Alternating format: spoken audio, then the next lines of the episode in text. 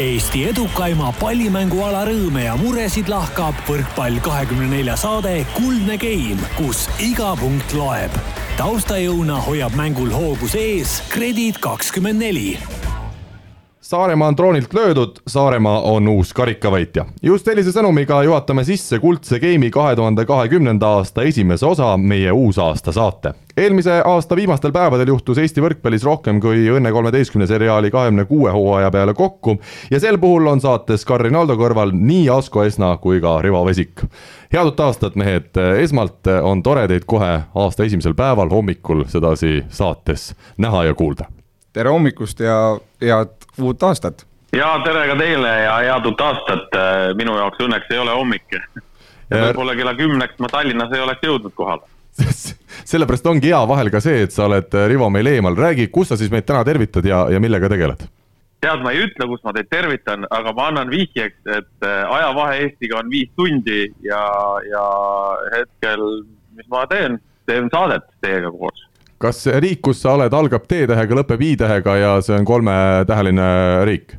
nii on, jah, vastab tõele. ja kuulajad nüüd on meil nii teravad, et ilmselt juba ülejäänud äh, sõnad või, või tähed seal äh, sõnas said ilusti kätte. Asko, ma küsin nii, kuidas sinul äh, aastavahetus möödus? minul oli väga rahulik, et rahulikku kodus pereseltsis ja ja vaatasime, kuidas siis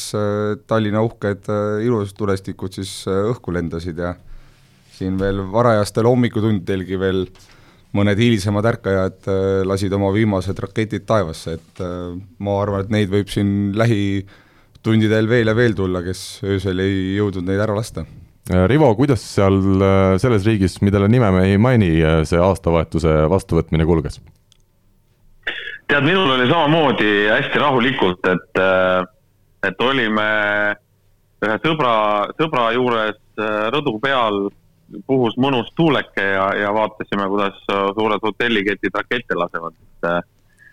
väga rahulikult väga,, väga-väga rahulikult, et äh, ilmselt äh, suurem paugutamisaeg on enda jaoks ka juba möödas, nii et. ja Rivo, ja Karl, poiss, kuidas sinul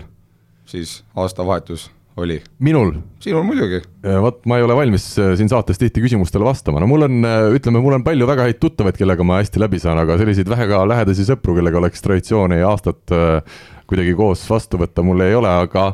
aga mul see-eest on, on see portaal ja on see saade ja mul oli põhjust vara magama minna, et siis saaks täna hommikul juba ilusti uue aastaga pihta hakata ja ja ma arvan, et me võikski kohe ikkagi saate alguses mitte kuulajaid piinata, vaid minna Eesti karikafinaalide juurde, kakskümmend üheksa detsember, pühapäev, Saku Suurhall meeste karikafinaal on neil, on meil täna esmalt äh, siin jututeemaks Saaremaa võrkpalliklubi Tartu Bigbank. milline mäng, viis geimi, kaks ja pool tundi, täpselt nii, nagu üks finaal olema peab. pealtvaatajaid seal umbes kahe tuhande peal ja lõpuks siis võitja, Tartu Bigbank kolm-kaks, tuli null-kaks kaotusseisust välja, esimene game kakskümmend kolm, kakskümmend viis, teine seitseteist, kakskümmend viis kaotati. Ja siis kolm järgnevat kakskümmend viis, kakskümmend üks, kakskümmend kuus, kakskümmend neli ja kakskümmend üks, üheksateist. Rivo võtab veel tänaselgi päeval, uue aasta esimeselgi päeval äh, täiesti sõnatuks see kogu värk. Äh, jah, ütleme nii, et üle pika-pika aja selline, selline mäng, kus tõesti tõesti jäi nagu mingitel hetkedel suu lahti ja emotsioonid olid kogu aeg laes, et, et ei osanud isegi kellegi poolt olla, et mäng iseenesest oli nii hea. ja, ja noh, ülimalt hea meel on samas äh, vana hallipäise Gerdi üle, on ju, kes ikkagi oma võistkonna seal võidule vedas ja, ja üldse Tartu võistkonna, Tartu võistkonna üle, et äh, ma peale seda mängu natukene istusin omaette ja mõtlesin selle peale, et kui palju on tegelikult Alari Jõesaar ja Raivo Simson teinud Eesti võrkpalli jaoks tööd. et see on ikka meeletu ja, ja näha seda Jõesaart seal ringi tormamas ja, ja oli, oli nagu minu jaoks võib-olla isegi mitte suurem kui see võit, aga ta andis sellele võidule nii palju juurde. et see mõte, et mida tegelikult Tartu on Eesti võrkpalli jaoks aastate jooksul teinud, on meeletu ja, ja võita Saku Suurhallis Eesti ilmselt võrkpalli klubi, Eesti sisese klubi võrkpalli kindel publiku rekord peaks olema, ma arvan. et võita seal see karikas, no mida paremat saab üks klubi tahta no ma võtan hästi lühidalt märksõnadega selle kogu mängu äh, kokku, esimene game Saaremaa poolel Javier Jimenez'e neli ässa ja paljuski siis nende imeliste servide pealt see kakskümmend viis, kakskümmend kolm game'i võit Saaremaale. teine game Saaremaa servi vastuvõtt seitsekümmend üheksa protsenti ja rünnak seitsekümmend kaks protsenti, müstilised numbrid ja see edu oli veel suurem, kakskümmend viis, seitseteist. kolmandas game'is ärkas Saaremaa, aga mitte nüüd Saaremaa võistkond, vaid Alex Saaremaa. neli plokipunktis, tartlaste vastuvõtt kerkis kaheksakümne kolme protsendi peale ja Tartu võitis selle kolmanda game'i kakskümmend viis, kakskümmend üks. neljas game ärkas Curtis Stockton ellu, üheksa punkti pluss kaheksa temalt, Tartu võitis sellegi kakskümmend kuus, kakskümmend neli ja viies game olen mina pannud märksõnaks loterii, ma ikkagi, mulle tundub, et äh, et see viimane game oli lihtsalt kuidagi, et kummal nüüd äh, need viimased pallid maha jäävad. Asko, ma küsin esmalt sinult, kas sa oled nõus sellega või sa arvad, et seal viiendas game'is sai miski muu määravaks mm,? vaatasin ise ka muidugi seda mängu koha pealt ja nii-öelda olin suhteliselt tegelikult erapooletu, et pigem oligi niisuguse mõnusa ja vägeva mängu nii-öelda tunnistajaks ja aga peale mängu ka siin sai paari sõbraga nagu räägitud sellest mängust ja ja minule nagu juba tegelikult selle viienda game'i ajal jäi hästi palju see nii-öelda silma, et äh, selles viiendas game'is Saaremaa üldsegi väga vähe kasutas oma temporünnakut. et äh, kuigi neil on seal ju tõesti väga kõvad mehed seal keskel ja, ja kuigi Austraalia oli puudu, aga selle-eest äh, siin Treial ja, ja Palmar olid ju keskel olemas, et aga need, nad said ikka väga vähe tööd põhimõtteliselt ma ei ole nüüd äh, otseselt seda viienda game'i statistikat nüüd vaadanud, aga aga nende osa oli seal väga väike, et seal mingi punkti vahetusel, kas seal äkki neli või viis korda järjest tõsteti Jimenezele, et ta neid maha ei saanud ja ja, ja ma arvan, et sealt hakkaski see nii-öelda vanker natukene Tartu poole kallutama. väga hästi, kusjuures Asko on toonud jah, siin ühe aspekti välja viies game, äh, Harri Palmar üks tõste ja seda maha ei saanud, Henri Treial null tõstet, nii et Reto Kiiger, keda me oleme siin ka saates kiitnud kui väga head nii-öelda valikut Saaremaa võistkonnale sidemängijana, viiendas game'is tõesti ei ole sa ka tegelikult ainus, kes seda Reto huvitavat või ütleme siis mitte nii õnnestunud äh, tõstete valikut esile on toonud. ja Rivo, ma tulen siit sinu juurde, kui me eelmises saates rääkisime, et Gert Toobal on see mees, kellele ikkagi otsa peab Tartu vaatama selles finaalis, siis täpselt nii oligi, Gert Toobal tegi oma töö jälle paremini paremini ära otsustavatel hetkedel ja seda võib küll tõesti öelda, et ütleme, sidemängija osas oli viies game selgelt Toobali kasuks, neljakümne aastase Gert Toobali kasuks, on nii, Rivo? jaa, ma olen täiesti nõus ja, ja see oli ka esimene asi, mis jäi minule silma, et et Reto Kiiger mängis viienda game'i nagu ülimalt ühekülgselt, hästi ühekülgselt.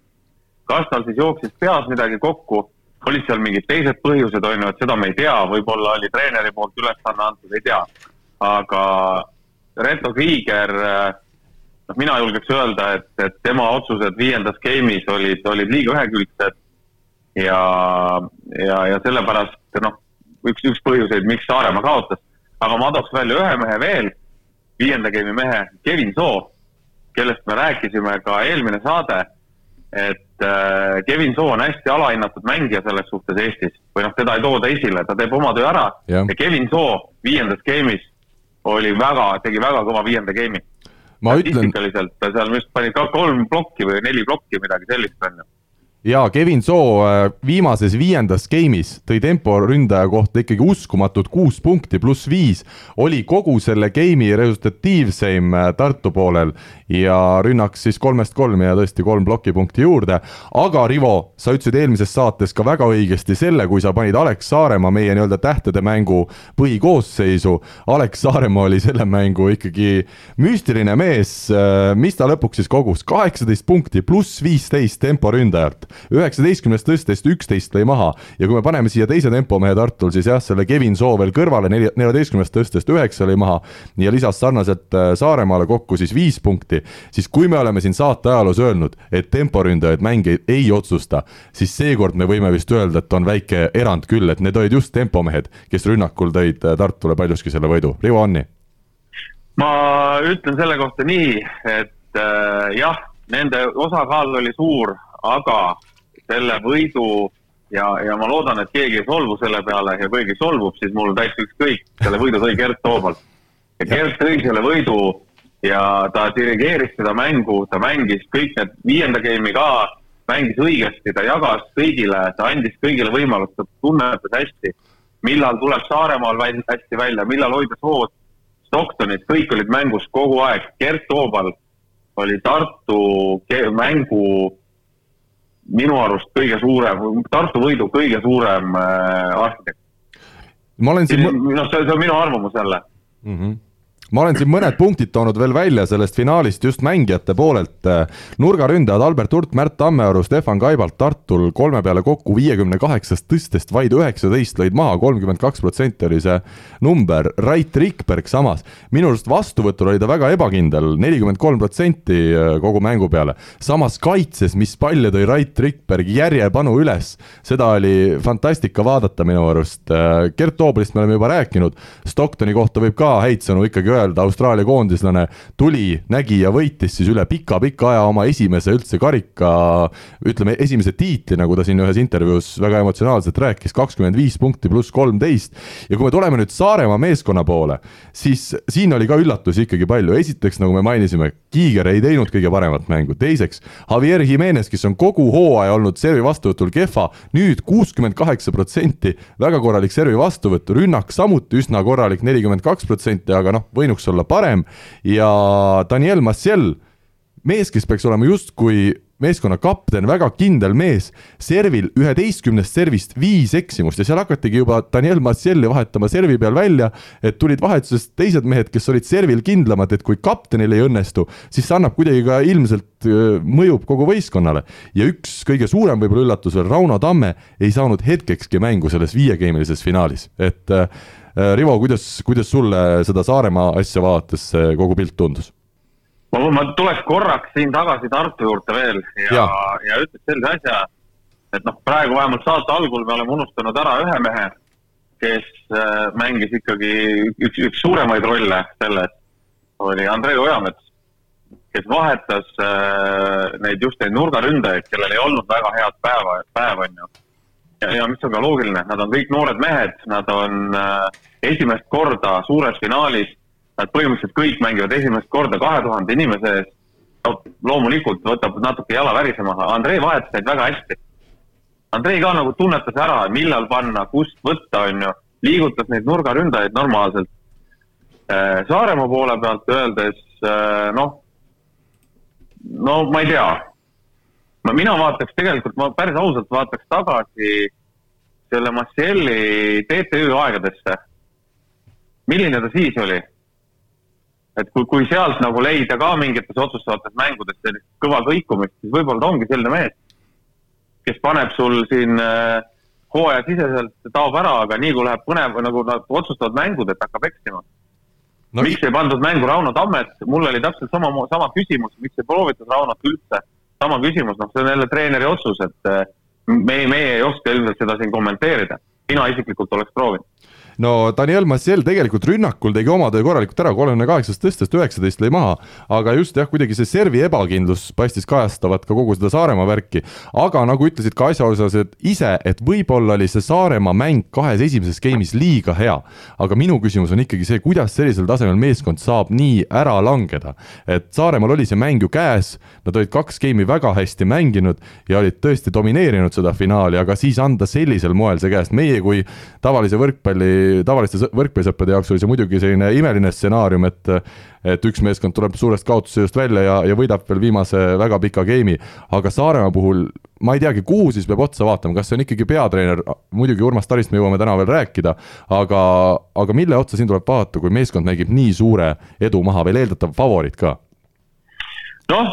eks seal tulevad, kõik peavad peeglisse vaatama, ega ei olegi ühtegi sellist nagu, et üks mees on nüüd, keegi on süüdi, et et see ei ole ju samas ei ole ta esimene kord ega ei ole ka viimane kord, kui kaks-null eduseisust äh, mäng kaotatakse. jaa, aga No, Rivo, Rivo, ma segan vahele, tohib? muidugi. et,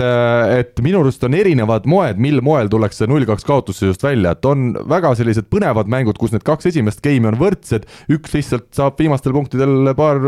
palli kätte paremini ja võidab need game'i, aga täna või selles karikafinaalis ikkagi Saaremaa oli selgelt ju parem kahes esimeses game'is. jah, aga, aga see ongi see, et, et ega ju väga kõrget mängutaset hoida on väga raske, väga raske. ja, ja mõnikord on, juhtub nii, et võidabki see võistkond, kes suudab mängida terve mängu stabiilsemalt. Nad ei mängi nagu noh, sajaprotsendiliselt võrkpalli on ju välja, aga nad mängivad kaheksakümmend protsenti, aga nad mängivad selle terve mängu. kui üks meeskond suudab hoida ennast üheksakümne protsendi peal kaks geimi ja siis langeb kuuekümne peale millegipärast, siis on võitja ju see lõpuks, kes mängib kogu mängu kaheksakümne protsendiga. et, et noh, nii on, et, et tõesti Saaremaa mängis esimesed kaks geimi nagu fantastilist võrkpalli. aga nad kahjuks ei suutnud hoida seda lõpuni. jah, ja ma ütlen vahele. noh mm -hmm. ja, ja seal, seal oli üks, üks, üks asi veel, Karl, et, et Saaremaal minu arust ka neljanda game'i lõpuotsused ja lõpueksimused olid natuke rumalad, kui nad said seal matšpallile ja ma ei mäleta, kes läks servima, servisid Tauti. kui Rait Rikberg just enne seda oli, oli servi vastuvõtul minu arust eksinud. ja ta läks ja, ja, ja saarlased ja, ja panid out'i selle palli, on ju, väiksed asjad ja hoidsid nagu Tartut mängus ja Tartu, aga noh, Tartu mängis stabiilselt, minu arust mängis Tartu väga stabiilset mängu, väga stabiilselt. Ja mängis lõpuni. Ja ma veel lisaks nii palju, et ikkagi need, kes toovad otsustavad punktid, neid tuleb ka lõpuks kiita, Stefan Kaibald eh, võib-olla kogu mängu jooksul ei teinud nüüd rünnakul imelist eh, esitust, aga minu arust tema nii neljanda kui ka siis selle viienda game'i ju veel lõpetas punktiga, nii et eh, õigel hetkel oli õigel ajal õiges kohas. Asko, sa oled veel siin paar märget teinud vist statistika peale? Jah, et siin vaadates seda statistikalehte, siis äh, eriti just siin Saaremaa puhul äh, nii-öelda hakkab silma see, et äh, kahes esimeses game'is löödi kokku kaheksa ässa, millest siis esimeses game'is seal neli olid järjest ju Jimenez omad, et äh, ja ülejäänud äh, kolme viimase game'iga siis ainult kaks ja viimases game'is mitte ühtegi, et et Tartu oli niisugune stabiilne siin üks-kaks ässa nagu kogu mängu peale, et ja muidugi ütleme, Tartu puhul needsamad meie poolt juba siin kiidetud tempomehed, et äh, nemad panid juba kahekesti rohkem plokke kui terve Saaremaa võistkond terve mängu peal kokku, et ja muidugi jah, et siin Alex Saaremaa siin juba meediagi vahendusel päris palju kiidetud, et ta tegi väga kõva mängu. et ma ei teagi, mis tal seal vahepeal juhtus, kus tal ega keegi ei saanud vist aru täpselt. ei saanudki aru jah, et me siin ka arutasime, et kas ta sai võib-olla plokis seal küünarnukiga kuidagi valusasse kohta, et äh, ei saanud midagi, aga aga jah, et siin ütleme, see pigem see servi nii-öelda osakaal Saaremaal nagu noh, noh, sealt nad kukkusid nagu ära, et oleks nad suutnud seda serviga vähemalt äh, nii-öelda hoida, noh, okei okay,, võtame sealt kümme prossa maha vähemalt, et äh, oleks olnud Tartu vastuvõtt tublisti kaugemal ja siis oleks kindlasti nendel juba tükimad lihtsam olnud, et aga ma arvan, et servis nad kukkusid päris tublisti ära ja Tartu sai sealt nii-öelda jälle ree, ree peale tagasi ja ja sealt hakkas see Tartu mäng juba tunduvalt rohkem jooksma. üheksateistaastane Alex Saaremaa, kakssada kaheksa sentimeetrit pikkust ja mulle meeldis võib-olla kõige rohkem veel see, mis Alar Rikberg ütles pärast mängu, kui mina olin seal üks väheseid ajakirjanikke, kes oli veel saali juurde jäänud, ütleme, ajakirjanikud olidki jäänud teist, kõik olid juba teisele poole sinna gala, gala poole läinud ja Alar tuli ja ütles, et äh, veel aasta või kaks tagasi tema arvas, et Saaremaast ei tule mängumeest. nüüd on temagi oma, oma arvamust muutnud. Rivo, kas tuleme nüüd treenerite juurde, Andrei Ojamets äh, aasta võrkpallitreeneriks valiti Eestis siis sellel samal õhtul ja, ja selline võit siis tuua üheteistaastase pausi järel Tartu meeskonnale karikas ja ma ütlen veel vahele, et viimati, kui Tartu võitis karika, oli ju Gert Toobali vaheaasta Eestis, kui ta vigastusest taastus ja oli samamoodi siis meeskonna põhimees, nii et oli vaja ainult Gert tuua tagasi ja tuli see karikas Ameerikas ka, aga Urmas Talile jäi siis Saaremaa meeskonna eesotsas see mäng viimaseks. Rivo, annan nüüd äh, sõna sinule. Äh, jah, Andrei, Andrei, nagu ma ennem ka ütlesin, et tegi väga, väga hea mängu, kui, kui nagu treeneri kohta võib nii öelda, et Andrei vahetused ja, ja taktikalised asjad olid väga õiged ja, ja õnnestusid hästi selle aasta treeneri valimise kohta, kusjuures äh, minul tekkis küsimus, et miks ei ole näiteks seal nimekirjas, nominentide nimekirjas olnud Oliver Lüütsepa ja, ja ja, ja Rivo Vesikut. kas, ja noh, mind niikuinii, ma olen rannavõrkpall, rannavõrkpall on hobisport. Et äh, Eestis, Eestis vähemalt arvatakse seda nii, aga, aga miks ei olnud Ollat ja, ja Rainerit? tead, Rivo, mul on see teema, Rivo, ma ütlen lihtsalt, meil on see teemaplokis sees olemas, me tuleme aasta parimate juurde siin saate teises osas okay.. sellepärast ma mõtlesingi praegu just rääkida ikkagi finaalist lähtuvalt veel nii Ojametsast kui ka Talist. nii et annan sõna sulle tagasi sinna kaugele maale. okei okay, äh,, selge värk äh,. ütleme nii, et Andrei tegi väga hea mängu Äh, võitjate üle kohut ei mõisteta, on ju. Äh, Urmas Tali kohta, noh, me ega ta nüüd ka midagi seal ju selles suhtes otseselt nagu untsu ei keeranud, on ju, ei pannud seal, ma ei tea, diagonaalründajat sideks või midagi sellist, et äh, tema mängis nende meestega, kes tema arust olid õiged. ja, ja, ja noh, treeneri poole pealt raske öelda, mõlemad on ju head treenerid, on ju, päeva lõpuks. aga, aga täna tõestas Andrei, et, et tema oli sellel korral parem jah, see mina, noh, see, see puhtalt minu arvamus on see, et, et selle karika võitis äh, kogemus ja see, selle karika võitis Gert Toobali kogemus. ja nii ongi, ma, ma treenerite kohta ei oskagi, mõlemad tegid okeid tööd, Andrei võib-olla vahetas natukene rohkem, kuna, kuna tunnetas seal mingisuguseid situatsioone, on ju, just nurgaründajatega. aga, aga eks seal treenerite kohta nagu väga suurt midagi öelda ei ole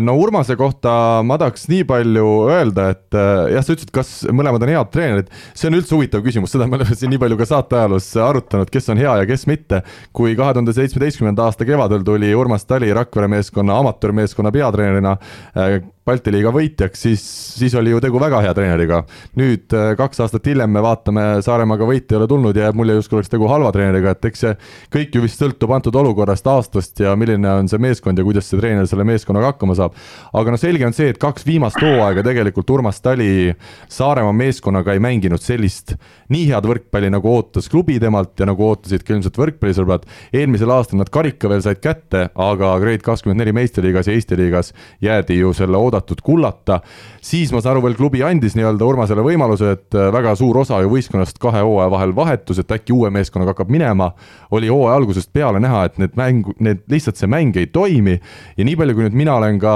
noh, mängijatega siin mingil määral suhelnud või uurinud, et milles siis see asi on olnud, et lihtsalt Urmase need trennid kuidagi ei sobinud sellele meeskonnale, et meeskond ei, ei, ei hakanud mängima nende trennide pealt, et, tundub, et seal nagu vähemalt mängijate hinnangul oli see kõige suurem probleem, et et kõik ütlevad, mängijad ka, et Urmase näol on tegu toreda mehega, kellega on, on väga tore juttu rääkida, aga kuidagi see, see meeskond nende trennide ja tema juhendamisega sel hooajal ka ei hakanud äh, mängima, annan ka Askole siin vahepeal sõna. no eks selle nii-öelda treenerite jutu siin nii-öelda jätkuks rääkida ka sellest, et äh, me saame siin heietada ja hoiatada ja mida iganes teha, et äh, see mängis nüüd üle hästi ja see nüüd tegi neli, neid, neid otsuseid, et et äh, olles ju ise ka siin treener, et mina olen mitu korda ennast leidnud nagu siis sellise nii-öelda, kus ma ütlen, mõtte pealt, et kui sa ise arvad, et sa teed paremini, palun tule tee siis et see oligi Urmase nägemus, see meeskond äh, peaks mängima niipidi, selliste meestega ja nii edasi, edasi, et ja need, ja need, need vahetused, on ju, et et äh, me ei, me ei saa nagu selles osas nagu ühtegi treenerit nagu hukka mõista, et äh, kindlasti kui seal oleks olnud keegi teine treener, võib-olla jah, tõesti oleks seal võib-olla keegi teine mänginud, et see ongi jälle, see ongi treeneri nägemus mm. -hmm. et äh, raske on nagu jah, et selles suhtes nüüd öelda, et äh, näed, et nüüd selle viimase mängu pärast, et äh, eile ka siin lugedes, kui Urmas siis enam äh, Saaremaa treener ei ole, et äh, et ka sealsed klubijuhid ütlesid, et, et noh, see ei ole ainult, et viimane see, mäng, vaid jah, jah, pikem. et see on juba pikem protsess olnud, et kindlasti ta on nagu seal nii-öelda juba jututeemaks mingil määral on tulnud ja ja teades nagu natukene rohkem seda Saaremaa inimesi siin viimaste aastate jooksul, siis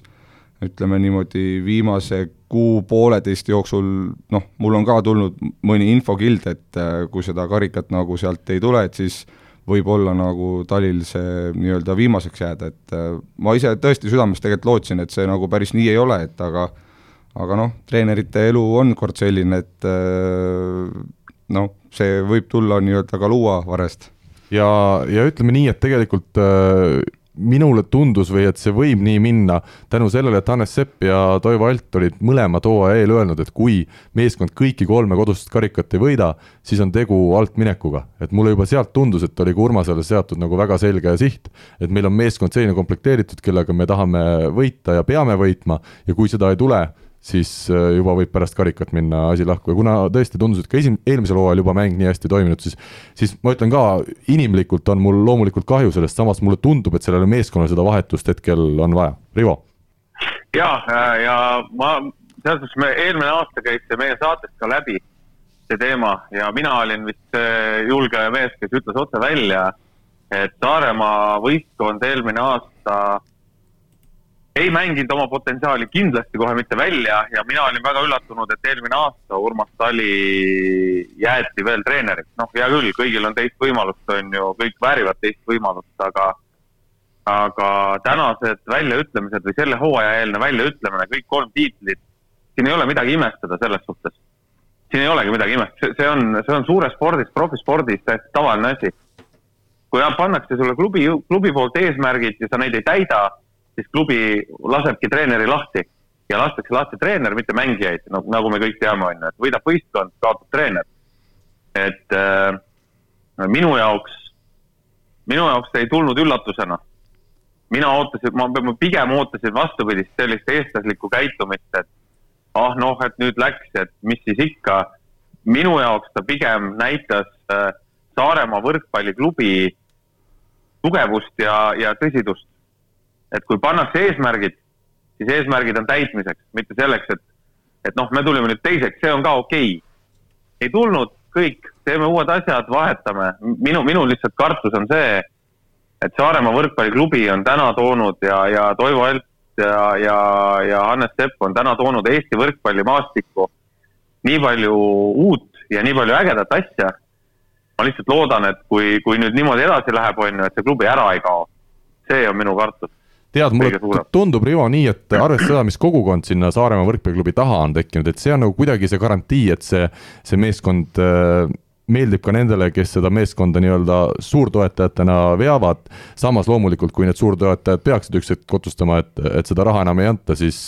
siis teha, ma ei tea, kuskil saja tuhandega, nii nagu siin Rakvere on üritanud teha, mulle tundub, et ei pruugi sellist vedajat seal Saaremaa võistkonnas enam olla. aga mida siin veel võiks öelda seoses Saaremaaga, klubi on siis teatanud tänaseks, tähendab juba eile, aasta viimasel päeval teatas, et uueks peatreeneriks on saamas välismaalane. mina ütlen ausalt, siseinfo mul puudub, aga ainus mees, keda ma välja suuta oskasin, oli ikkagi Daniele Capriotti, mees, kelle käe all minagi kolm päeva Saaremaaga augustikuus trenni sain teha, tema siis hoolitses enne hooaja algust Mirko Fasini asemel mm, Saaremaal selle üldfüüsilise ettevalmistuse poolt ja tegi seda väga hästi ja kuidagi meestega sai väga hästi läbi. ja kuna tegelikult on ju tegu ikkagi võrkpallitreeneriga, siis see tundub kuidagi üks loogiline variant, et kuna minu teada tal hetkel ametit, võrkpalliametit ei ole, siis, siis kes teab, äkki tuuaksegi tema seda meeskonda tüürima ja, ja see oleks küll väga huvitav vaadata, kas itaallane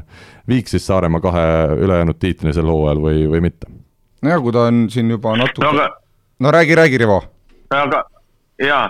aga vaata, Karl, kui see tuleks, tuleb välismaalane, siis me saame ju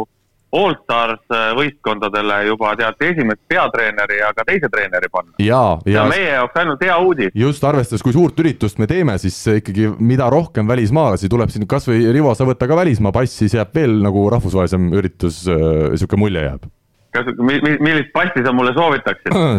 meil on siin idanaabrid on meil hästi hästi ilus. ma soovitaksin Läti passi, sa saaksid ka Aavo juures koondises mängida äkki. ja, või hall pass, see on ikkagi ka üks variant minu arust. siis mängi, kus tahad. no vot, aga ma arvan, et meil on juba aega nii palju kulunud, et teeme kiire-kiire kõlli ja võtame naiste finaali ette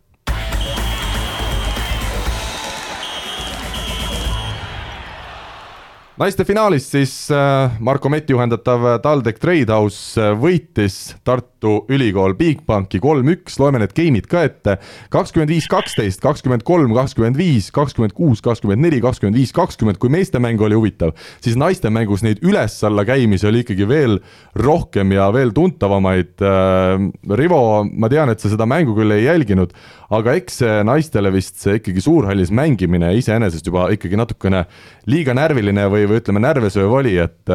et eks neil oli tükk tegemist, et selle suure publiku ees seal oma parimat välja mängida? see jah, ma arvan, et seal on, ma, ma olen seda mängu näinud, kuna me olime ise trennis sellel ajal, aga aga tead, mina arvan, et, et, et eks see Saku Suurhall mängis natuke rolli ikkagi,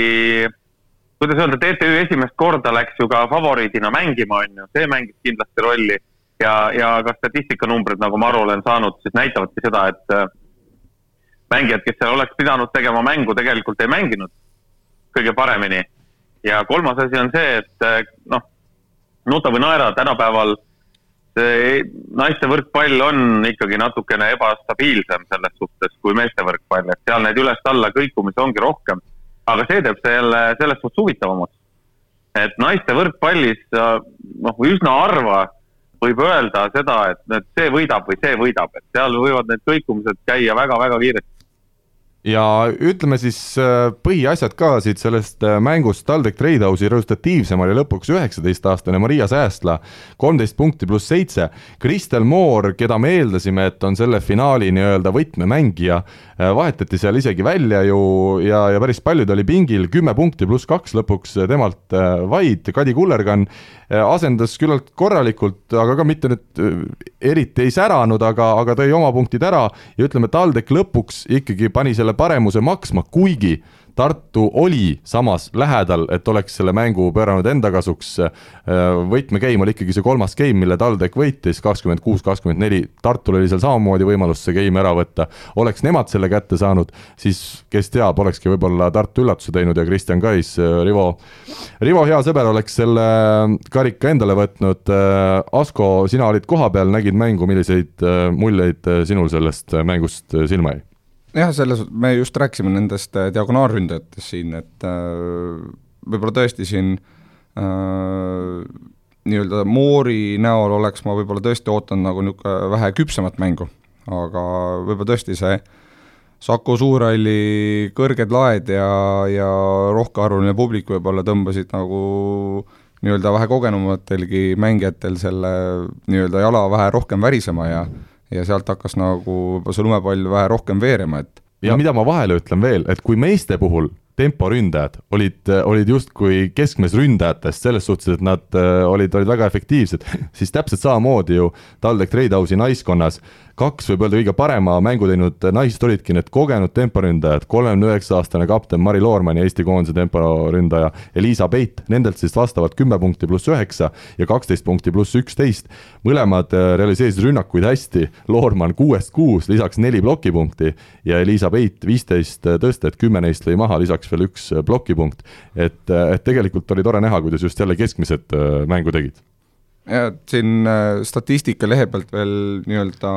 vaadates äh, jääb silma ka see, et kui siin Tartu poole pealt siis, kui side taga oli, siis nii-öelda nad olid nullis ja, ja kui side ees oli, siis nad olid miinus viieteist peal, et et tegelikult äh, see on päris suur nagu vahe seal, et nad võiksid suhteliselt niisugused balanssis olla ja noh, muidugi loodetavasti plussis, on ju. ja kui siin vaadata TalTechi äh, Treidhausi siis nii-öelda punkte siis äh, tagaliinis oli pluss kaksteist ja ees pluss kuus, et äh, noh, siit juba joonistubki see nii-öelda vahe päris kõvasti nagu ära, et aga jah, nii-öelda Tartu poole pealt siis äh, päris palju käis see mäng siin jah, nende kahe nii-öelda siis diagonaali ja nurgaründaja kaudu, et siis siin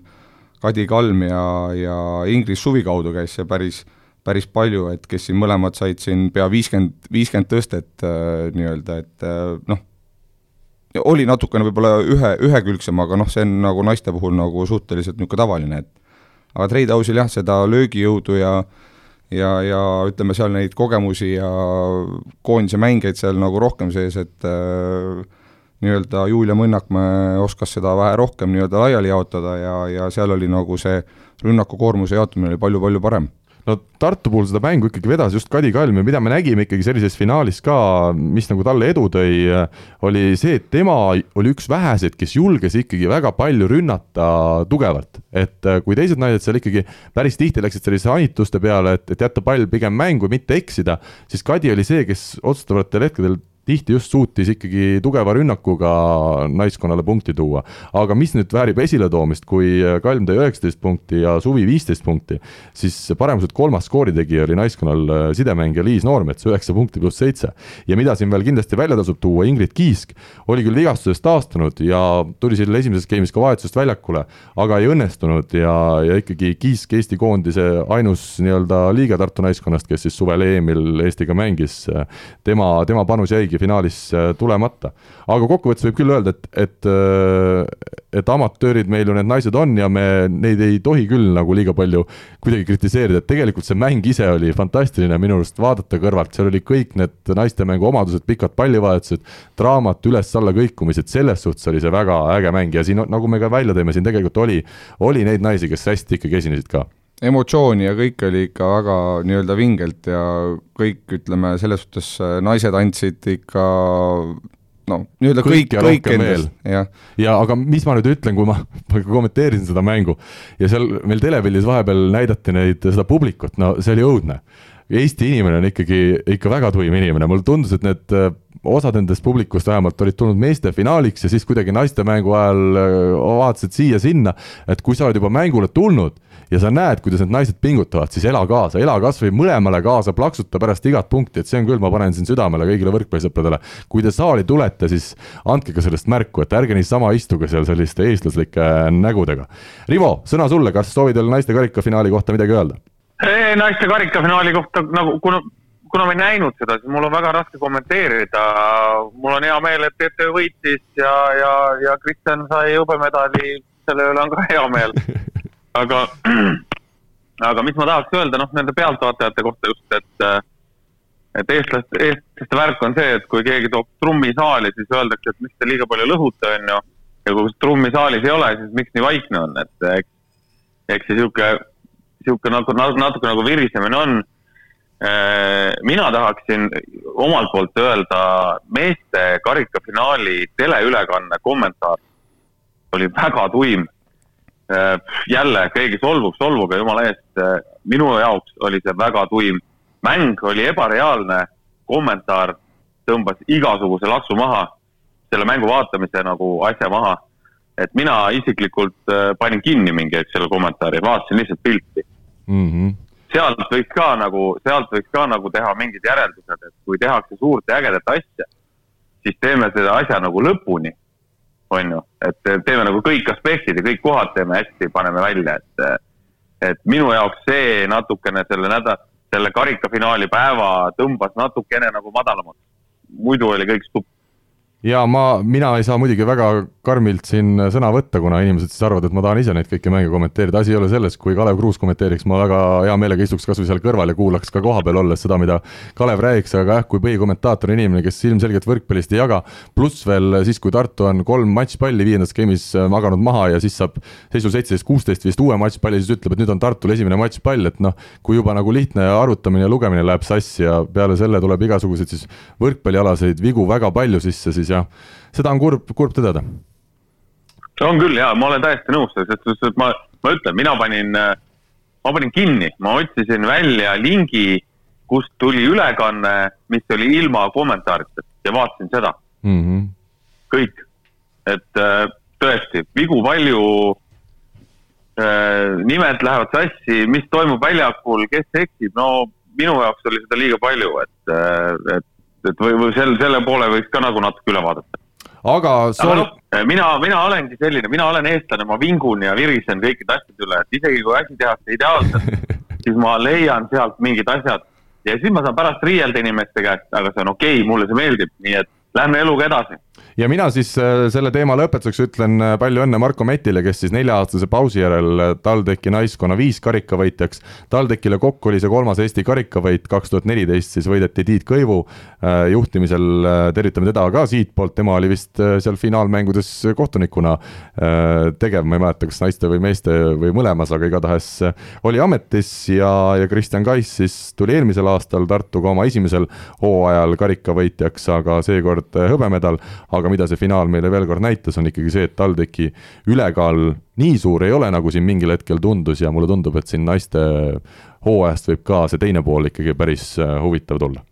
aga mulle tundub, et naiste finaal on kokku võetud. teeme väikese pausi ja oleme tagasi juba küsimusmänguga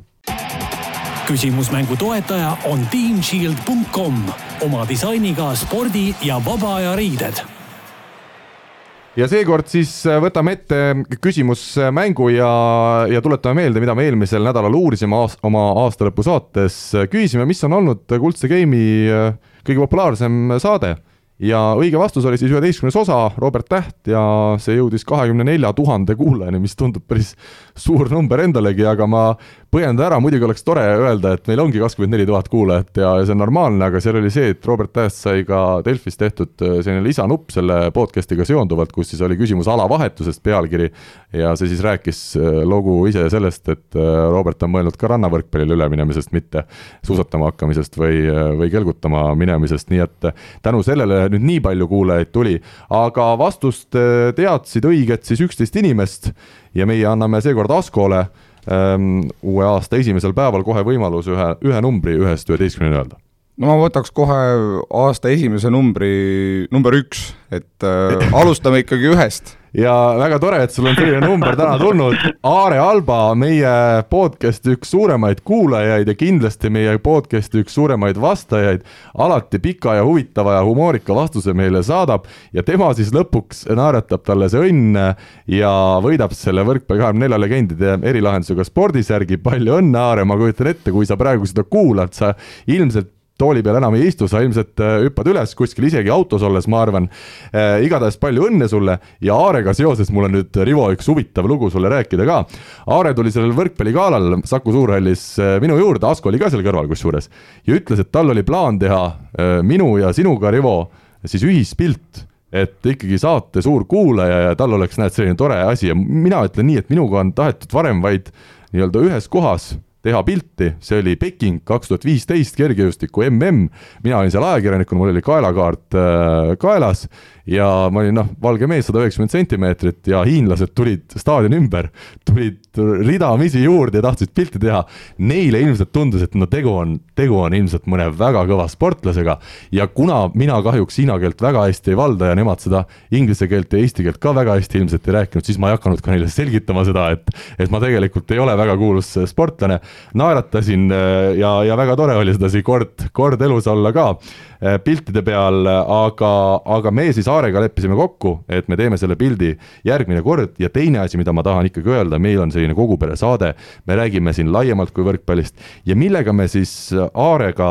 mis osas me jõudsime lõpuks arusaamisele ühisele ja mis oli see kogu meie pika vestluse, me umbes pool tundi seal rääkisime koos, Asko oli ka pundis, et mis me siis äh, leidsime, oli see, et, et Tõde ja õigus, meil tuli ka film see aasta välja. Ja miks Tões ja õiguses Andresel ei läinud hästi ja see põhjus oli see, et üheksateist sajand ei olnud traktoreid. et need hobused ilmselt ikkagi ei kandnud välja, et me jõudsime sellise lahenduseni. Rivo, kindlasti sina oled äh, elus samuti inimestega väga sügavaid vestlusi sarnastel teemadel pidanud ja jõudnud ka sarnaste geniaalsete vastusteni.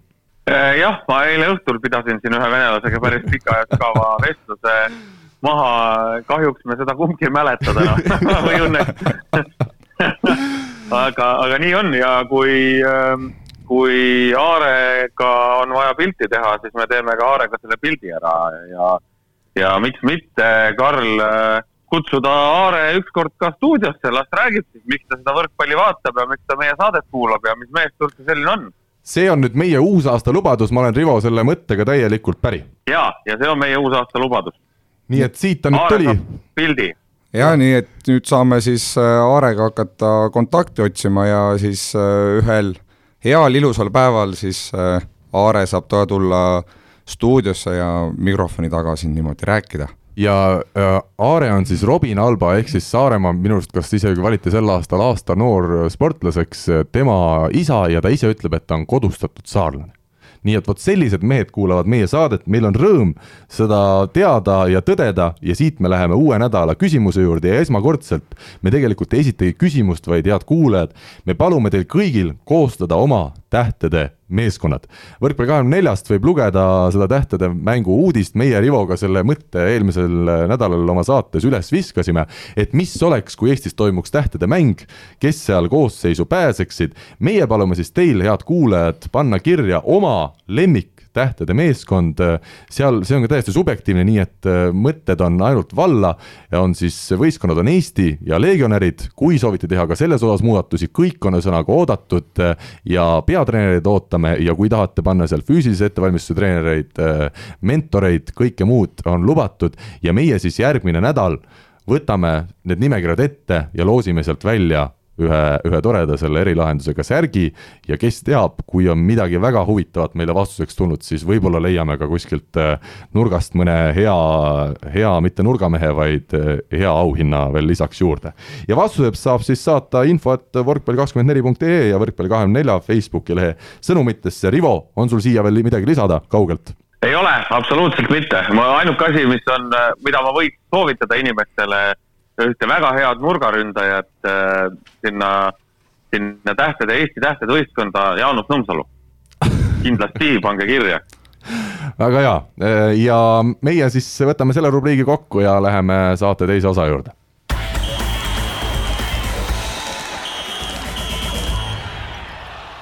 Üks asi, mis siis veel selgus äh, sel samal päeval, Eesti karikavõistluste finaalipäeval ja juubeligalal, äh, oli see, et kellest said Eesti rahvusnaiskonna ja rahvusmeeskonna uued peatreenerid. meie naiskond asub juhendama neljakümne üheksa aastane itaallane Lorenzo Micheli ja meistetreener prantslane Cedric Enard, neljakümne kolme aastase mehega tegu. enne veel, kui me hakkame siin midagi üldse arutama, ma ikkagi ütlen nii palju ära, et tegu on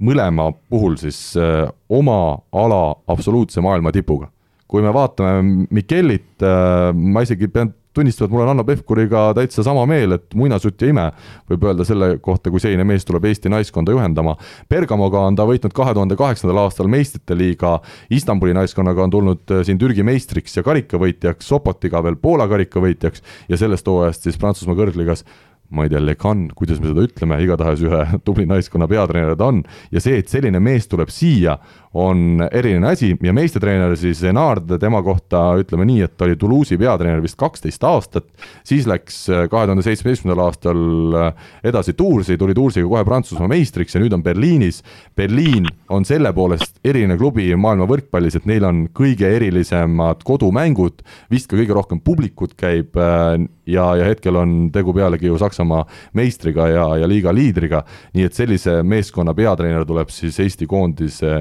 juhendajaks, nüüd annan sõna teile, Asko, kuidas sulle need valikud tunduvad? kindlasti väga huvitavad valikud, et äh, nii palju, kui mina olen kuulnud ja tean, et siis äh, meestel oli siin oma kuskil viieteist, kahekümne juures oli neid äh, kandidaate äh,, sealt lõppvooru ju pääses kolm ja selle tulemusena siis jõudsi, jõudsidki nii-öelda meeste suhtes nii-öelda Cedricuni mm. -hmm ja, ja naistel oli natukene vähem siin nõksa alla kümne. Ja, ja siin juba eelnevalt räägitud Andreigi seal minu teada kolme viimase seas, et äh, aga kindlasti ka it, it, Itaalia poiss ei ole nii-öelda papist, nagu sa just rääkisid ja ja ma arvan, et nii meestel kui ka naistel said väga vinged ja toredad nii-öelda peatreenerid ja ja kui ma nüüd ei eksi, siis kas äkki mais või, hakkavad nad juba nii-öelda toimetama ja, ja eks me siis nii-öelda hakkame nii-öelda kuulma, mis seal siis saama hakkab ja tulema hakkab, et äh, kindlasti kõikidel koondislastel juba ka vähe rohkem kindlasti hammas verel ja tahavad juba uue treeneri nii-öelda käe alla minna, et mis seal siis äh, tulema hakkab ja saama hakkab ja kes sinna üldse pääsevad ja kindlasti siin nii-öelda on eestlaste näol nendele ka nii-öelda tuge nagu olemas, et äh, annavad nõu, et keda siis sinna kutsuda ja, ja, ja kes sinna üldse siis pääsevad ja kindlasti see list esimeses ringis on kindlasti tükimaad nii-öelda suurem, et äh, et äkki isegi Rivo pääseb, et aga noh, eks see siis näha ole, et. kaks pluss kaks leping siis sõlmiti mõlema treeneriga, mis annab ikkagi märku sellest ja mulle see väga ka meeldib, see Võrkpalliliidu suund, et ei otsita sellist ajutist lahendust, vaid inimesi, kes seda Eesti võrkpalli laiemalt oleksid valmis vedama. just Mikeli puhul oli ka eriti sellest juttu, et seda naiste võrkpalli laiemalt äh, noortest äh, alates edasi viia ja noh, Enard samamoodi on ju noorte tegelemisega ja töötamisega, selle poolest on ta nagu tuntud ja, ja ikkagi selles suhtes ka sarnane valik. Rivo, nüüd äh, sulle samal teemal sõna. noh, mõlemad mehed on, on oma ala spetsialistid ja, ja väga head valikud, et äh, Asko ütles siin õigesti, et eks ole näha, et mis saama hakkab, et ega see, see ei tähenda nüüd seda, et äh, mina, mina ei tõmbaks neid emotsioone jälle nüüd nii lakke, et noh, nüüd meil on see mees, on ju, nüüd hakkame panema, et et eks ole näha, Eesti kaks tuhat, mis ta kakskümmend üks on Tallinnas EM, on ju. ja, küll. et siis ole näha, jah, et siis ole näha, mis, mis seal on ja kuidas on, et hea meel ongi selle üle, et et Võrkpalliliit on just pannud panuse nagu tulevikule, et ei, nagu sa ütlesid ka, Karl, et ei tee üheaastast lepingut, aga teevad ikkagi pikema lepingu, et nii see on nii treenerile lihtsam kui ka mängijatele lihtsam, et äh, ega, ega mul ei olegi midagi muud siia lisada Asko jutule, et Asko juba ütles kõik ära mida mina veel lisaksin, on see, et, et mida selliste nimekate treenerite tulemine Eestisse näitab, näitab seda, kui hea on Eesti võrkpalli maine tänasel päeval võrkpallimaailmas ja mitte siis enam ainult meeste osas, vaid ka naiste osas. mis on Mikelli puhul, naiste treeneri puhul kõige selline võib-olla erilisem asi või suurem vahe Andreiga sest Andrei tegi ju meeletult head tööd naiskonnaga ja iseenesest tema jätkamine oleks äh, ilmselt väga paljudele sobinud ja oleks ka väga hea uudis olnud. aga mis on nüüd vahe Mikelliga, et mõlemad on kindlasti head treenerid, kuigi väga erinevad, ma eeldan, aga Mikelli on selliste tutvustega, et äkki nüüd, minule nii tundub, et Eesti naistel hakkab tänu sellele, et meil on selline peatreener ees, hakkab ka neid kontakte liikuma välismaa klubidesse ja õnnestub Eesti naistel ka pääseda sellistesse siis klubidesse, kus tehakse head tööd ja kus on ka see palk korrekt, sest me teame, et naiste võrkpallis üleüldiselt on palju vähem maailmas selliseid klubisid, kus nii-öelda ära tasub see mängimine, kus tehakse korralikku tööd ja sinna on ka seetõttu palju raskem saada, et äkki tänu Mikelile võiks see Eesti naiste võrkpallis muutuda, et meil saab natukene veel rohkem neid mängijaid välismaale, Rivo, kuidas sulle tundub? jah, veel kord, eks see ole siis näha, mis siin saama hakkab, et äh et kindlasti tal on kontaktid olemas, kindlasti, ma olen täiesti kindel, et ta mingid tüdrukud aitab Eestist välismaale, võib-olla võtab enda juurdegi kellegi, et et üldiselt see nende koondise peatreeneritega nii on. Ja ja igal juhul on ta, on ta väga-väga kasulik ka selles mõttes, et äh, kuidagi uus inimene ja välis, väljast tulnud inimene suudab nagu motiveerida natukene rohkem kui kui see oma Eesti mees või kelle, kellega on nagu pikalt juba koos oldud, et äh, et me ütleme veel kord, mõlemad on, on head valikud, aga mis, mis nüüd edasi saab, et seda näitab juba tulevik. jah, ja ikkagi Andrei puhul jätkuvalt äh, soovime õnne, et äh, aasta treeneriga on tegu ja see, mis aasta Andrei selja taha jäi, see oli, see oli ikkagi eriline. no ja äh, oi, nüüd tuli küll köha et äh, Andrei siin ka kuskil ühes intervjuus ütles, et äh, naistekoondisega siis äh, jõudsime ei mitte kusagilt kusagile, et nüüd siis äh, Mikel saab võtta sellest kusagilt sealt üles ja viiagi kusagile aga mina muidugi selles suhtes äh, olen jälle natukene skeptiline, et kui me vaatame, et meil on tänavusel hooajal tulnud äh, nii palju põhitegijaid koondisest tagasi Eestisse mängima, et siis jah, meil on, ütleme täna mõned eesotsas Kertu Laagi ja Kristiine Miilinega, kes tõesti mängivad tugevates välisklubides, aga et meil, meil täna on ikkagi päris palju koondise põhitegijaid on juba Eestisse naasnud ja sealt nagu astet edasi teha et nagu ütles Mikelli, et jõuda Euroopa kuldliigasse ja Euroopa kuueteist parema hulka siis EM-il, et no selleks läheb, mina arvan, ikkagi natukene aega, et, et see ei ole nagu kerge asi, et pigem oleks minu arust väga kõva saavutus juba see, kui me säilitaks oma taset, ehk siis jõuaks ka järgmisele EM-ile, ehk siis pääseks kahekümne nelja parema hulka. no eesmärgid peavad kõrged olema ja kindlasti me sinnapoole püüdlema hakkame ja ja soov meil kõigil ju kindlasti see on, et äh, raske see on aga ma julgen arvata, et kindlasti mitte ka võimatu, et äh, tuleb teha lihtsalt õigeid otsuseid ja õigeid valikuid ja ja, ja panna see nii-öelda vanker vaikselt veerema ja ma arvan, et äh,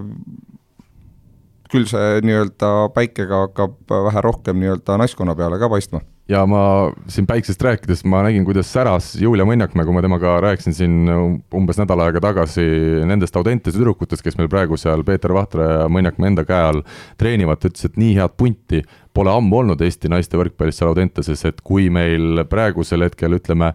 mitmed põhitegijad on naasnud kodumaale ja võib-olla nii tõsiselt enam võrkpalliga ei tegele, loodetavasti suvel koondises on ikka kohal ja, ja saavad jälle heasse vormi. aga et meil see järelkasv praegu tundub tüdrukute osas, on seal mingis vanuses, ma ei tea, viisteist, kuusteist, seitseteist, kaheksateist, ehk isegi natukene parem kohati kui, kui poistes äh,? Kindlasti on, et äh, olles ise ka siin äh, noortega päris palju nii-öelda kursis, siis äh, vaadates siin erinevate tugevusgruppide finaale, et siis äh, kui poisse on siin ütleme, niisugune kolme tugevusgrupi jagu, siis tüdrukuid on seal viis. või isegi vaata et rohkem, et see juba näitab, et see tüdrukute kandepind on vaata et isegi suurem kui poistel ja ja, ja, ja ma arvan, et sealt neid andekaid noori kindlasti nii-öelda on olemas, et ja teades ka, et praegu seal Audentes on päris palju talendikaid nii-öelda noori, et siin endal äh, venna Stenilgi käe all siin mängivad päris mitmed äh, väga head noored, et äh, et äh, jadu taastas, Sten, et äh,, et kindlasti nagu sealt tuleb nagu see järgmine põlvkond peale ja, ja loodame, et nad nii-öelda saavad sinna juba sellesse koondise ringi, ma arvan, kindlasti saavadki et äh, sealt tulevad siis järgmised siin laagid ja miljonid aga ja... see põhiteema või põhiküsimus on ikkagi jätkuvalt see, et kui meil meestest on olemas need profiklubid, kuhu kohe ütleme, kaheksateist kaheksateistaastane Märt Tammearu saab minna, ta saab ka mingi palga ja tal on nii-öelda olemas võimalus treenida sada protsenti võrkpallile, siis naiste puhul meil ühtegi sellist klubi ei ole, kes palka oma naistele mängiks ja võib-olla siin just Mikeli aitab natukene ka nii-öelda kohe seda pikka sammu teha, et kui äh, gümnaasium on lõpetatud, siis äkki leidagi juba mingi välisklubi nendele neiudele, kellel see soov ja on olemas ja, ja võib-olla just seda vahesammu. eks see on ka suur küsimus, kuidas neid tüdrukuid hoida võrkpalli juures, me teame juba aastaid, et et need, kes on gümnaasiumi lõpuni tublid ja andekad, neid on palju, aga kes siis ka üheksateist, kahekümne aastasena veel võrkpalli juurde jäävad töiselt, et äh, neid on oluliselt vähem. Rivo, sõna sulle ka Äh, jah, nii, nii ta kahjuks kipub olema, et kui Eestis profiliigat ei ole, siis enamus sellest niinimetatud talendist läheb nagu, läheb nagu raisku, et äh, et noh, loodame, et nad saavad kuskile välismaale, aga mina küsiksin siis täna sedasi, et kui, kui me, kui nüüd naised jõudsid sinna EM-i finaali, on ju, finaalturniirile,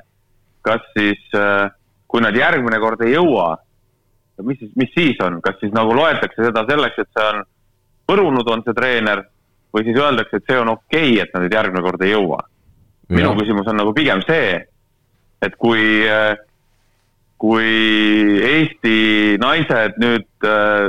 või naiste võrkpall öeldakse, et nüüd on nagu tõusuteel ja kui me sinna kahekümne nelja hulka ei jõua, ma, ma täpsustan kuulajatele ka, et EM-i kvalifikatsioonis üldse osales kolmkümmend kuus võistkonda, kellest kakskümmend neli said sinna finaalturniirile mis see protsentuaalselt teeb, ma ei oska peast öelda, ma olen matemaatikas nii hea. kuuskümmend seitse, kuuskümmend seitse, Rivo. no vot, kuuskümmend seitse protsenti, see on kõvasti üle poolte võistkondadest saavad sinna EM-i finaalturniirile. et kui me sinna nüüd järgmine kord ei saa, et kas siis, mis, mis siis nagu saab, on minu küsimus jah, eks sellele et, äh, annab aeg vastuse, aga eks seal vaadatakse ilmselt ka antud olukorda, kellega me koos, eks ole, alagrupis oleme, kuidas need mängud lähevad ja, ja nii edasi no jah, jah, täpselt, et see minu jaoks ongi nagu see naljakas, et äh, siis, siis kui on vaja leida vabandust selleks, et miks ei saadud, et siis vaadata, oi, meil oli A-grupp tugev ja nii ja naa, on ju. aga seekord, kui saadi, siis ei vaadatud seda, et tšehhidel oli keegi puudu ja soomlased ei mängi hästi ja nii edasi, nii edasi, nii edasi. minu arust natuke nagu need asjad on paigast ära loksunud. võtame mõistusega, võtame nagu nii, et äh, see, et Eesti sai sinna on väga okei okay,, aga ärme nüüd hakka mõtlema seda, et Eesti peabki seal olema tänase seisuga. mina arvan, et tänase seisuga nad, tänase seisuga nad seal ei pea olema mm. -hmm. et ikkagi, Andrei tegi muidugi väga head tööd, Andrei on väga hea treener, aga eestlastel ikkagi vedas. nagu me eelmine saade ka rääkisime, siis eestlased kasutasid kõik oma võimalused ära, mis neile anti ja nad said sinna peale et äh, mina võtaks selle uue peatreeneri koha pealt pigem sellise situatsiooni, et äh, hakkame otsast peale uuesti minema ja lähme otsast peale, unustame selle EM-i ära. ajalugu on tehtud, saadi peale, aga hakkame nullist, ärme paneme surveid peale sinna, et nüüd peab saama, nüüd on, on ju. Lähme nullist, võtame algusest ja, ja ma usun, et see kõik läheb väga hästi lõpuks loodame nii ja ütleme alati välistreeneritega on ju ka see, et kuidas nad ikkagi sulanduvad sellesse seltskonda, kuidas selle eestlasliku rahuga prantslane ja itaallane, kes on ilmselt natukene võib-olla keevaverelisemad kui meie siin, hakkama saavad, et kogu see sümbioos, anname neile aega ja vaatame jah, mis sealt tulema hakkab, võimalik, et sealt ei tule kummaltki midagi, aga, aga vaadates samas seda resümeed, seda, kus need mehed on varem treenerid olnud ja kus nad praegu treenerid on, on siis, siis peaks justkui tegu olema heade meestega. meestekoondise treenerist Sten Aardist võiks nii palju veel rääkida, et äh, suur nimekiri, ta ütles nelikümmend nime on tal kirjas, kelle puhul ta siis hakkab valikuid tegema, keda võtta ja mitte. ka seal pressikonverentsil rõhutati, et ikkagi noortele tahetakse rõhku panna, see on selge ja meil ka neid noori siis eesotsas nende samade Tammearudega, kes siin ja Saaremaadega, kes siin karikafinaali just ära võitsid, on ju küllaga, aga suures nimekirjas, küsisin isiklikult, on ka Andrus Raadik ja Keit Pupart nii et äh, seal on väga suur valik ja, ja Gert Toobal on seal kahtlemata sees ja saab tõesti huvitav olema näha, millise koosseisu siis maikuus äh, Enart koondisesse toob, valikut on, on kõvasti ja, ja, ja tõesti huvitav tuleb see kogu värk. üks asi veel, mida ma Enardilt küsisin, viimane küsimus pressikonverentsil, ma uurisin, et äh, kas esimene lubadus, mis ta Eesti koondise peatreenerina teeb oma saavutusena, on see, et ta laseb siis Berliini peatreenerina võita hoopis Friedrichshafenil ja Martti Juhkamil kevadel Saksamaa meistritiitli. Enard naeris ja ütles, et pole võimalustki nii et, äh, nii et meil saab üks huvitav finaal loodetavasti kevadel olema, kui mõlemad meeskonnad sinna jõuavad. jah, et on põhjust rohkem nüüd äh, Saksamaa liigat nii-öelda Eesti võrkpallisõpradele ka nii-öelda jälgida ja ja vaadata, mis ta siis seal äh, oma Berliiniga korda saadab ja ja loodame, et siis meie Juhkami ka Friedrichshafteniga seal nende finaalis kevadel vastamisi on ja eks siis näha ole, kes siis peale jääb ja, ja me kõik loodame, et ka Juhkami siis tähendab kindlasti, et ta seal listis on. ja kindlasti ta järgmine aasta on Berliinis. jaa, just täpselt, et, et saab, saab põnev olema. aga meie läheme siit tänase saate viimase osa juurde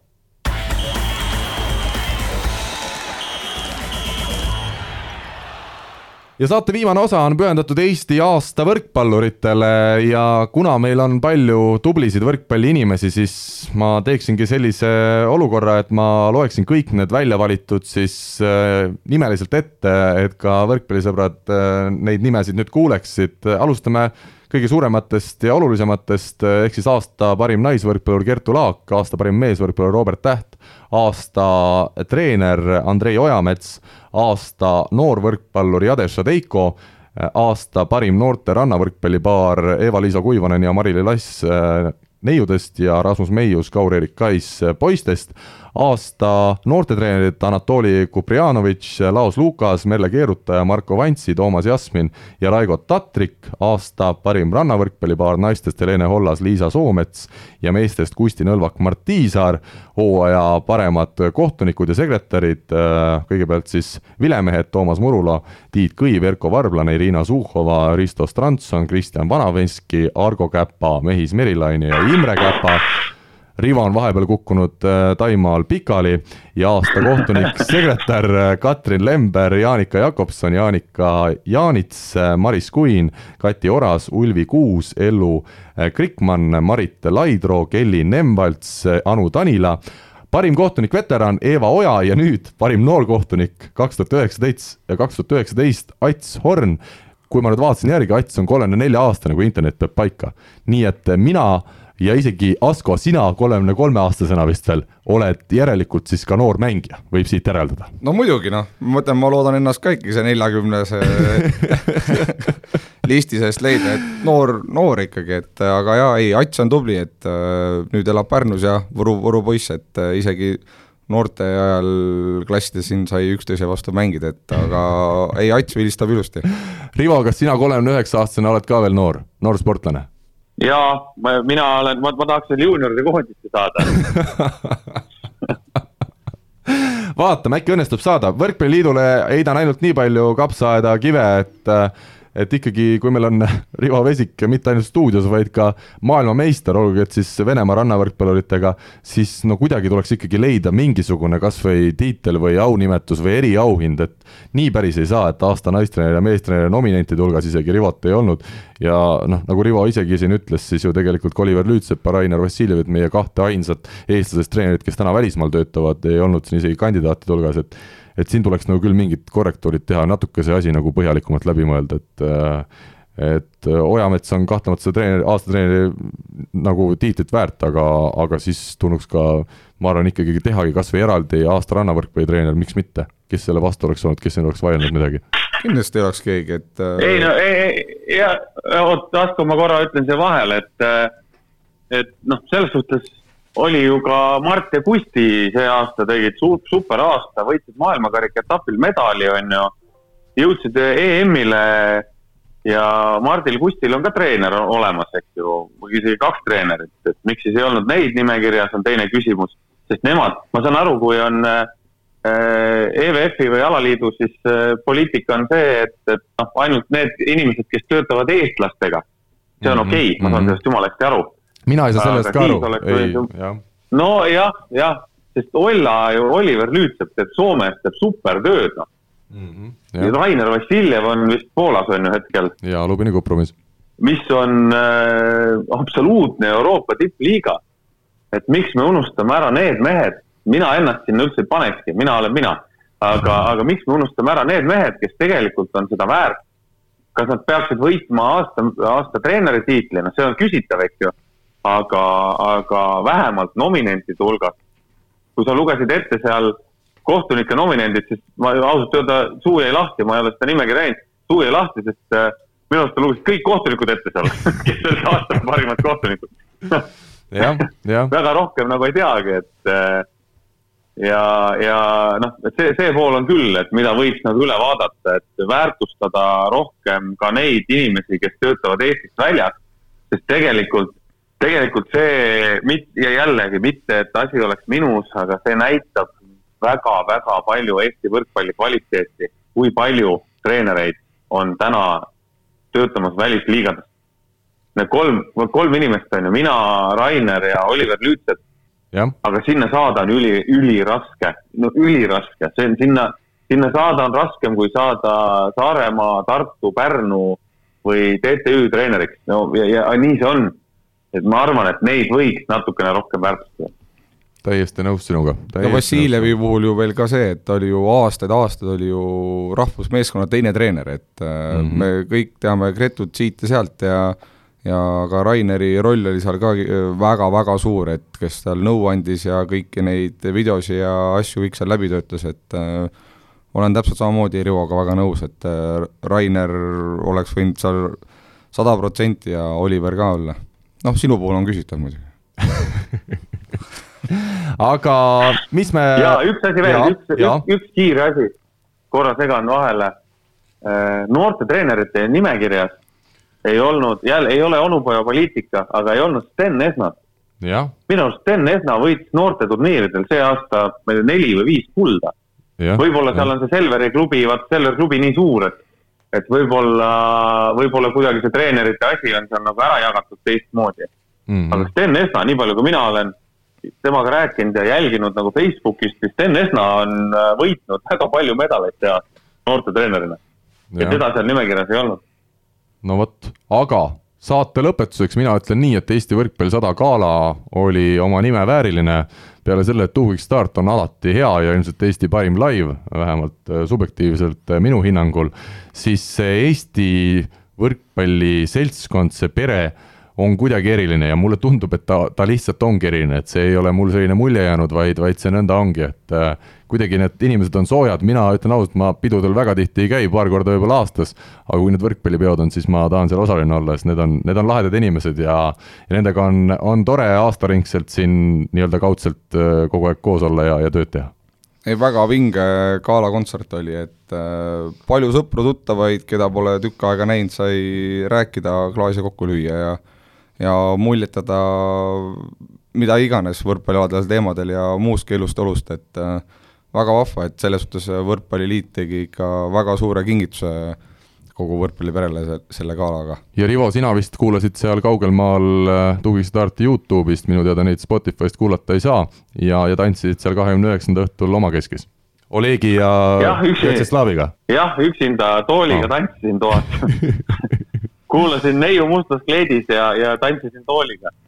äh,. mina tahaks öelda, mul on sügavalt kahju, mul on südamest väga kahju, et ma ei saanud sinna minna ja Eesti Võrkpalli Föderatsioon kogu selle karikafinaali terve päevaga. mina oma piletid äh, andsin ära ühele sõbrale ja tema naisele, kes järgmine päev tänasid mind, sügavalt tänasid, ütlesid, et see oli üks ägedamaid üritusi, kus nad üldse on käinud. ja, ja Eesti Võrkpalliliit tegi fantastilise, fantastilise töö ja fantastilise asja ja, ja ma ütlen, miks mitte teha seda iga aasta aasta lõpu üritusena, kas nüüd nii suurelt, aga sama kontseptsiooniga, sest, sest asi oli, asi oli vägev, noh, mina seal ei saanud olla kahjuks, aga videod, pildid, kõik super, täiesti super.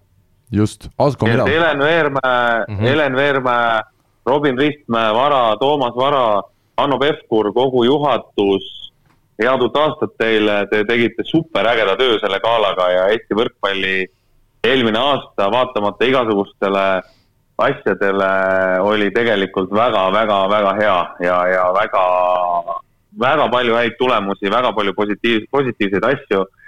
spordis, suures spordis ongi nii, et asjad käivad üles, üles-alla. Aga alaliit on teinud ära väga-väga suure töö, nii et aitäh kõigile ja, ja head uut aastat. Asko, mida sina võrkpallisõppedele uueks aastaks soovid? palju põrandasse. ei muidugi nii-öelda ütleme põnevust jätkub meil selleks aastaks isegi vaata et rohkem kui siin eelnevatel aastatel, et siin koondise peatreenerid uued,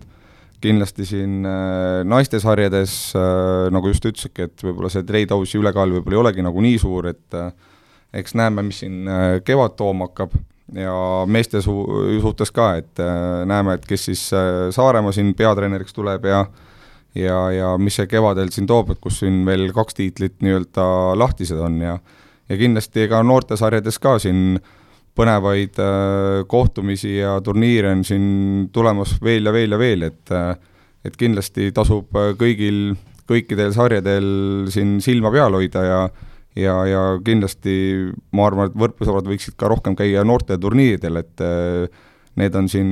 Eesti Võrkpalliliidu lehe peal nii-öelda üleval ja minge vaadake neid uusi nii-öelda mängijaid, nii poisse kui ka tüdrukuid, kes siis äh, tulevikus võib-olla juba sinimustvalge särgiga platsi peale jooksevad aga ma arvan, et sellest äh, tänaseks aitabki, kuna meil on rahvusvaheline saade, meil on kuulajaid ka tundub välismaalt äh, ja me ei tea, kas nad on kõik eestlased, siis ütleme head uut aastat, Feliz año nuevo, äh, happy new year, hüve uut vuotta ja, ja Rivo, ütle sina vene keeles veel lõppu ka ilusad sõnad. Novam godam, druzja, kusjuures ma eile sain, eile õhtul õnnestus mul olla koos kahe jaapanlasega kes õpetasid mulle selgeks, kuidas on jaapani keeles head uut aastat ja mul läks see meelest ära, ma oleks praegu saanud hiilata. aga ma ütlen jaapanlastele ka sinna arigato. selliste sõnumitega on hea sellele tänasele aasta esimesele saatele joon alla tõmmata, head kuulajad. oli meeldiv, et te taas meiega olite ja uuesti oleme eetris juba nädala pärast, ilusat päeva jätku. kõike head. head aega Eesti kõige põnevamad podcastid on Delfis, kuula tasku.delfi.ee